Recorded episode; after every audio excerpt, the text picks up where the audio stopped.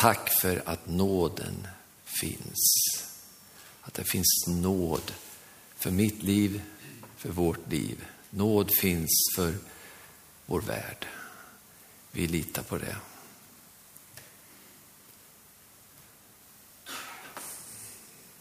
Tack att vi får mötas inför dig i en Guds tjänst. Att du betjänar oss genom ditt ord och genom din ande. Och vi betjänar dig med att överlämna oss åt dig, sjunga lovsång, be, bära fram förbön. Gud, vi ber, överlämnar oss åt dig och tackar dig. Amen.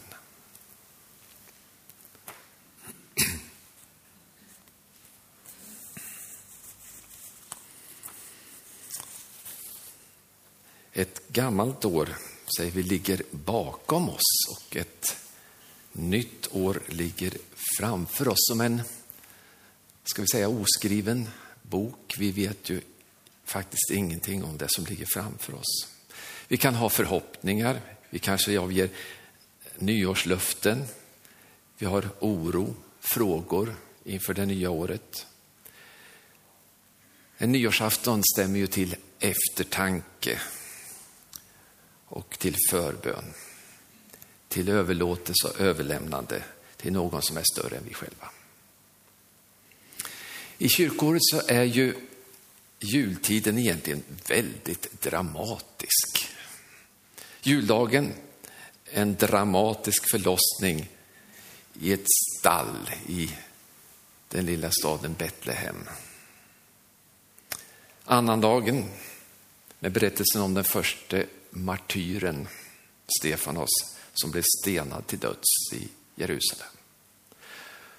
Och så har vi den här söndagen efter jul, där temat är Guds barn.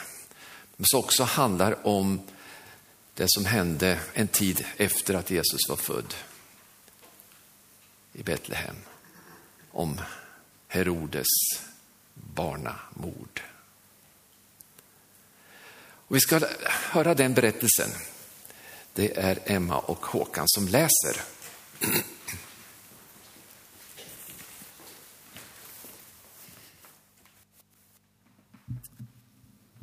Emanuel, får du upp? Ja, där kommer det. Matteus 2 och 13. När de visa männen hade farit, se, då visade sig en Herrens ängel i en dröm för Josef och sade, Stig upp och ta med dig barnet och dess mor och fly till Egypten och stanna där tills jag säger till dig. Ty Herodes kommer att söka efter barnet för att döda det. Josef steg då upp och tog om natten med sig barnet och dess mor och begav sig till Egypten. Där stannade han tills Herodes hade dött, för att det skulle uppfyllas som Herren hade sagt genom profeten. Ut ur Egypten kallade jag min son. När Herodes insåg att han hade blivit lurad av de visa männen blev han ursinnig och han lät döda alla pojkar i Betlehem och hela dess omgivning som var två år eller yngre. Detta enligt tiden som han noga tagit reda på av de vise männen.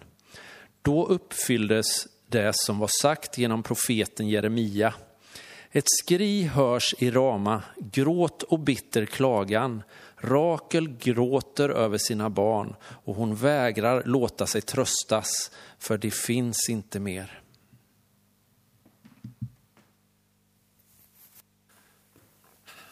Ja, Gud, det här för oss tankarna också till det som händer i det här området just nu.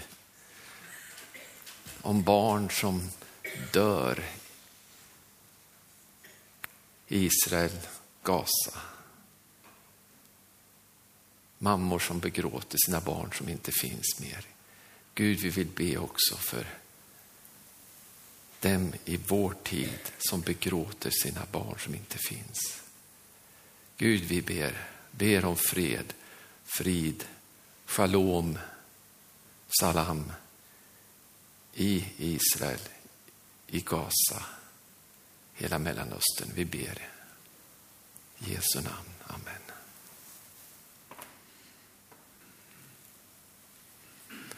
På grund av det här som hände så har vi någonting som heter värnlösa barns dag, som var den 28 december. Som skulle kunna kallas för skyddslösas barn eller oskyldiga barns dag utan men. Vi ska sjunga en psalm tillsammans. Det är Ylva Eggehorns märkliga text, psalmen 818. Barn och stjärnor föds i mörkret, utan skydd. Vi sjunger bara den första versen på 818.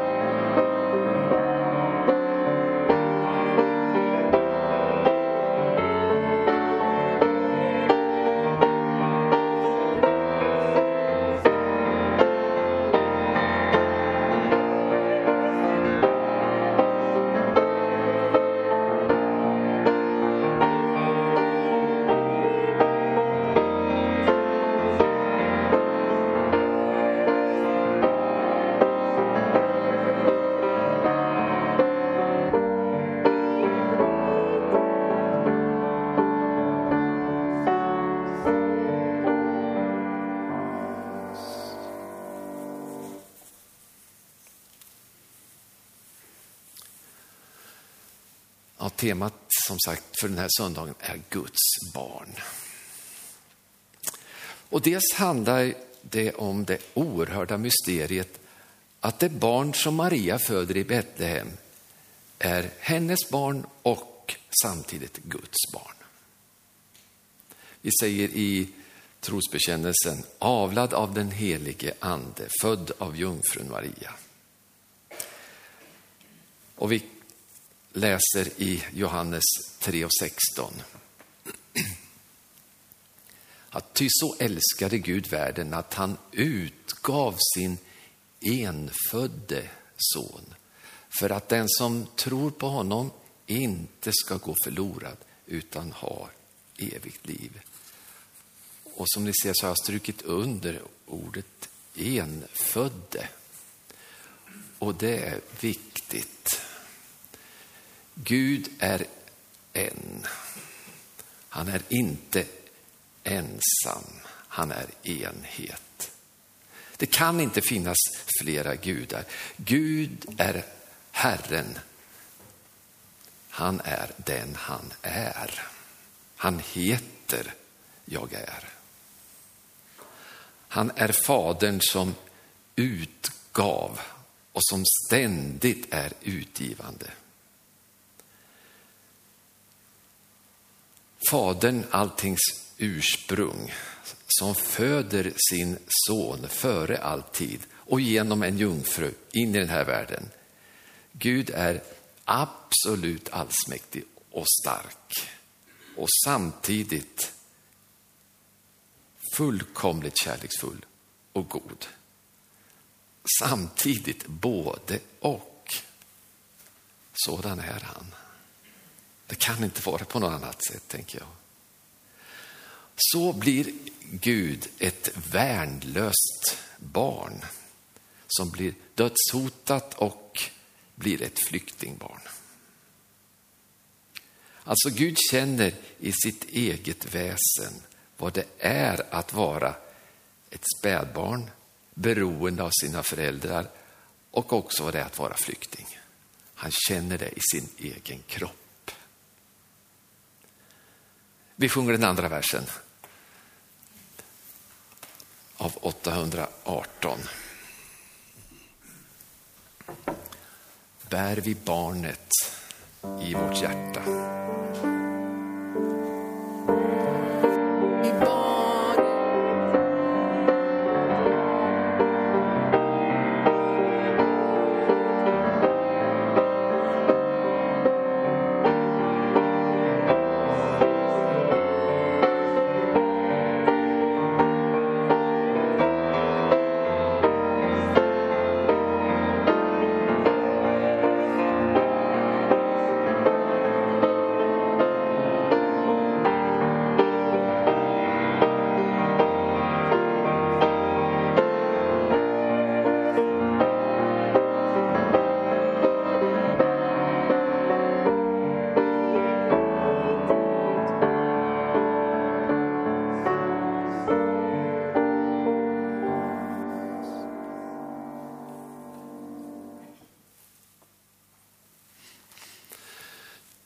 Ja, som Ylva Eggehorn har skrivit i den här salmen så handlar den här söndagen också om dig och mig som människa.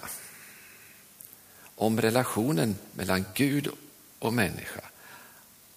Att jag och du kan, liksom Maria, bära detta barn i vårt allra innersta. Och på så sätt bli Guds barn. Visst är det förunderligt och märkligt? Och det tyckte också den religiöse Nikodemos. Och vi läser lite tidigare i Johannes tredje kapitel på, på det här sättet.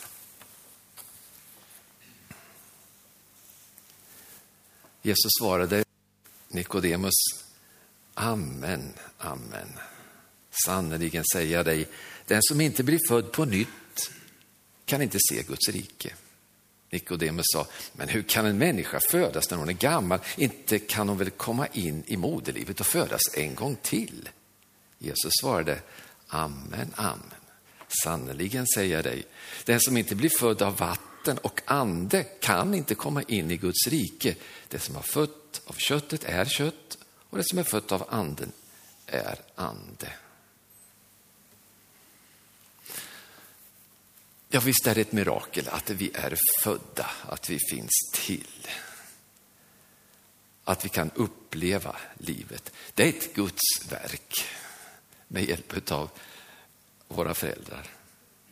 Och ett liknande oerhört stort mirakel är det att födas av anden och på så sätt bli Guds barn. Med Gud som himmelsk far och kanske vi skulle säga med kyrkan, församlingen, som mamma. Visst håller vi med både Maria och Nikodemos, men hur ska det här gå till? Hur ska jag bära mig åt? Vi ser och hör här Nikodemus nästan frustration.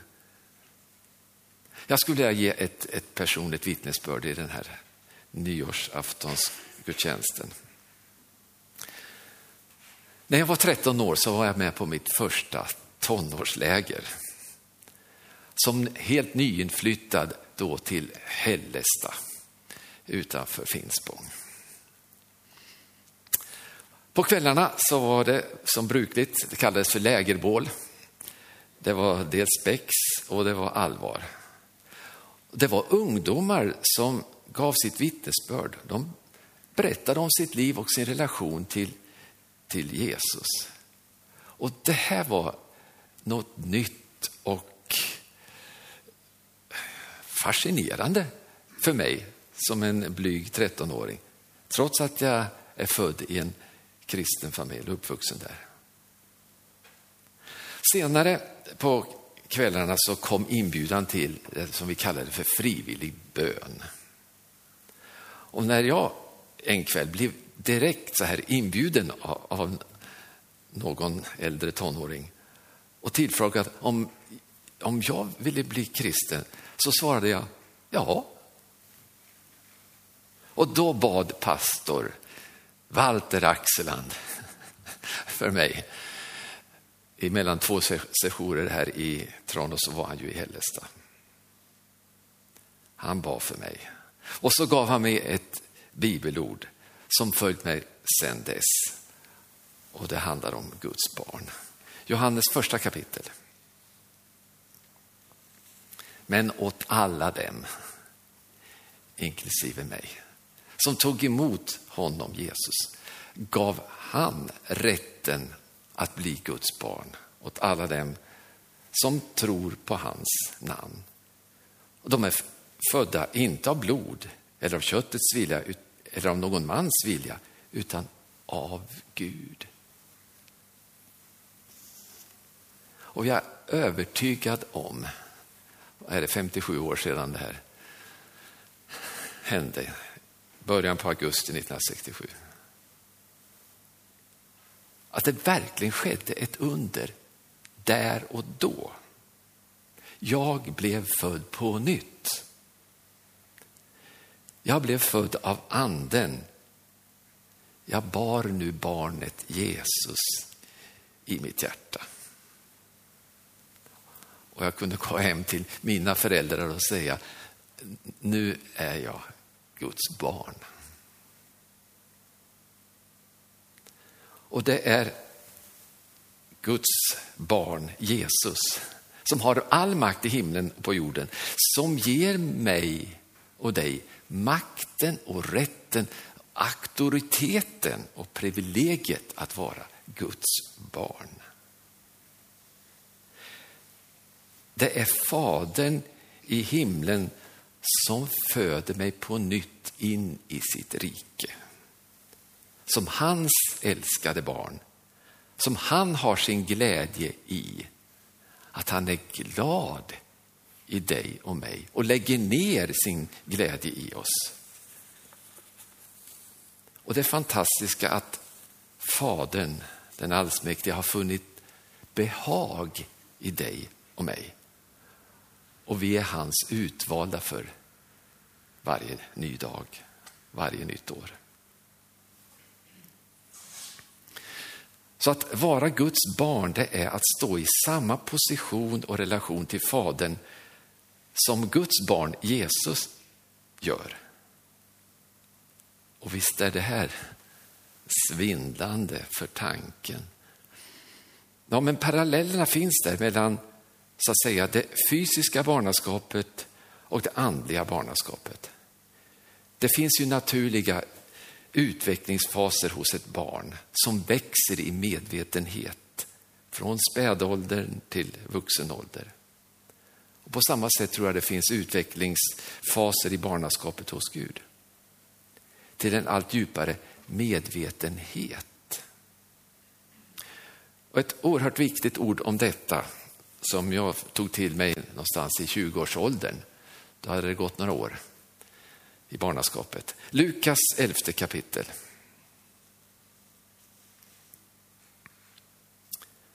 Om ni som är onda förstår att ge era barn goda gåvor, hur mycket mer hur mycket mer ska då inte er fader i himlen ge den helige ande åt dem som ber honom? Att bli medveten om detta var en viktig utveckling i mitt växande i barnaskapet. Ja, barnaskapets hela motiv och medveten, eller, tar om det igen. Barnaskapets hela motiv och mening är att vara mottagare av goda gåvor ifrån Fadern. Och så är det ju i det verkliga och mänskliga barnaskapet till en viss gräns. Där barnet utvecklas till att allt mer frigöra sig från sina föräldrar för att allt blir mer, bli allt mer ansvarstagande och själv bli utgivande, kanske till egna barn. Men i det andliga barnaskapet är det lite annorlunda. Utvecklingen mot en allt större medvetenhet och mognad så handlar det om att bli allt mer beroende av närheten till Fadern. Att bli allt mer lik Guds son Jesus. Allt mer beroende av den helige Andes kärlek. Allt mer överlåten i mitt liv och min vilja. Överlåta det i Guds händer. Och till sist här ska jag titta på några bibelord om detta också. Romarbrevet 8. så beskriver Paulus den här, utvecklings, här utvecklingsfaserna i det andliga barnaskapet. Vi vet att Gud på allt sätt hjälper dem som älskar honom att nå det goda, dem som han har kallat efter sin plan. Till dem som han i förväg har känt som sina har han också förbestämt att formas efter hans sons bild för att sonen skulle vara den förstfödde bland många bröder. Och den som han har förbestämt har han också kallat, och den som han har kallat har han också förklarat rättfärdiga, och den som han har förklarat rättfärdiga har han också förhärligat. Utvecklingsfaser i det andliga barnaskapet. Ja, det här är oerhört och fantastiskt.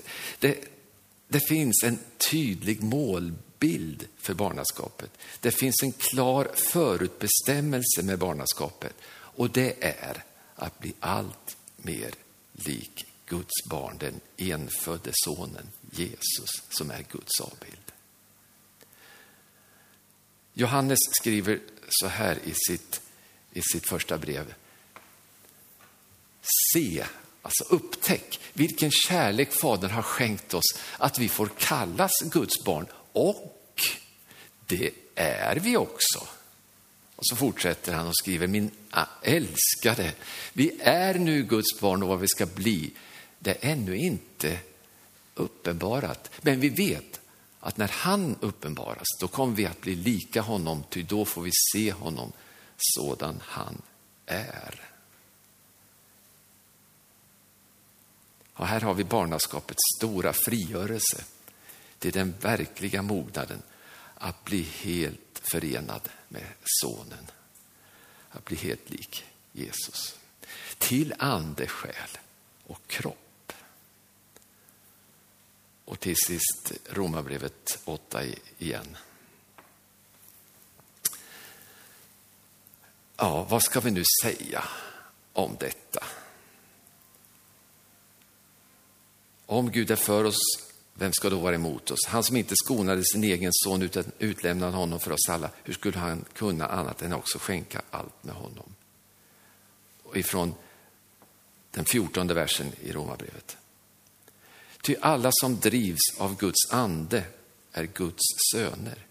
Ni har inte fått slaveriets ande så att ni skulle leva i fruktan. Nej, ni har fått barnaskapets ande i vilken vi ropar Abba, Fader. Anden själv vittnar med vår ande att vi är Guds barn. Men är vi barn är vi också arvingar, Guds arvingar och Kristi medarvingar. Lika visst som vi lider med honom för att också bli förhärligade med honom. Vi ber. Ja, vi säger ett, ett stort, stort tack för detta förunderliga budskap på denna söndag, denna nyårsafton ifrån ditt ord om Guds barn, om dig Jesus, om oss som dina barn. Det är, det är fascinerande, det är stort, det är förundligt, det är märkligt.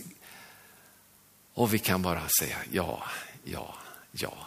Tack, vi tar emot. Vi tar emot och öppnar upp inför det nya året inför den nya dagen, inför varje liten stund så öppnar vi upp och tar emot. Tack att vi får vara tillsammans som älskade söner och döttrar till dig. Vara tillsammans som syskon. Vi har gemensam far. Vi har vår gemenskap och vi är öppna, öppna för att ta emot andra, dra in flera av dina barn in i gemenskapen. Gud vill säga stort tack. Amen.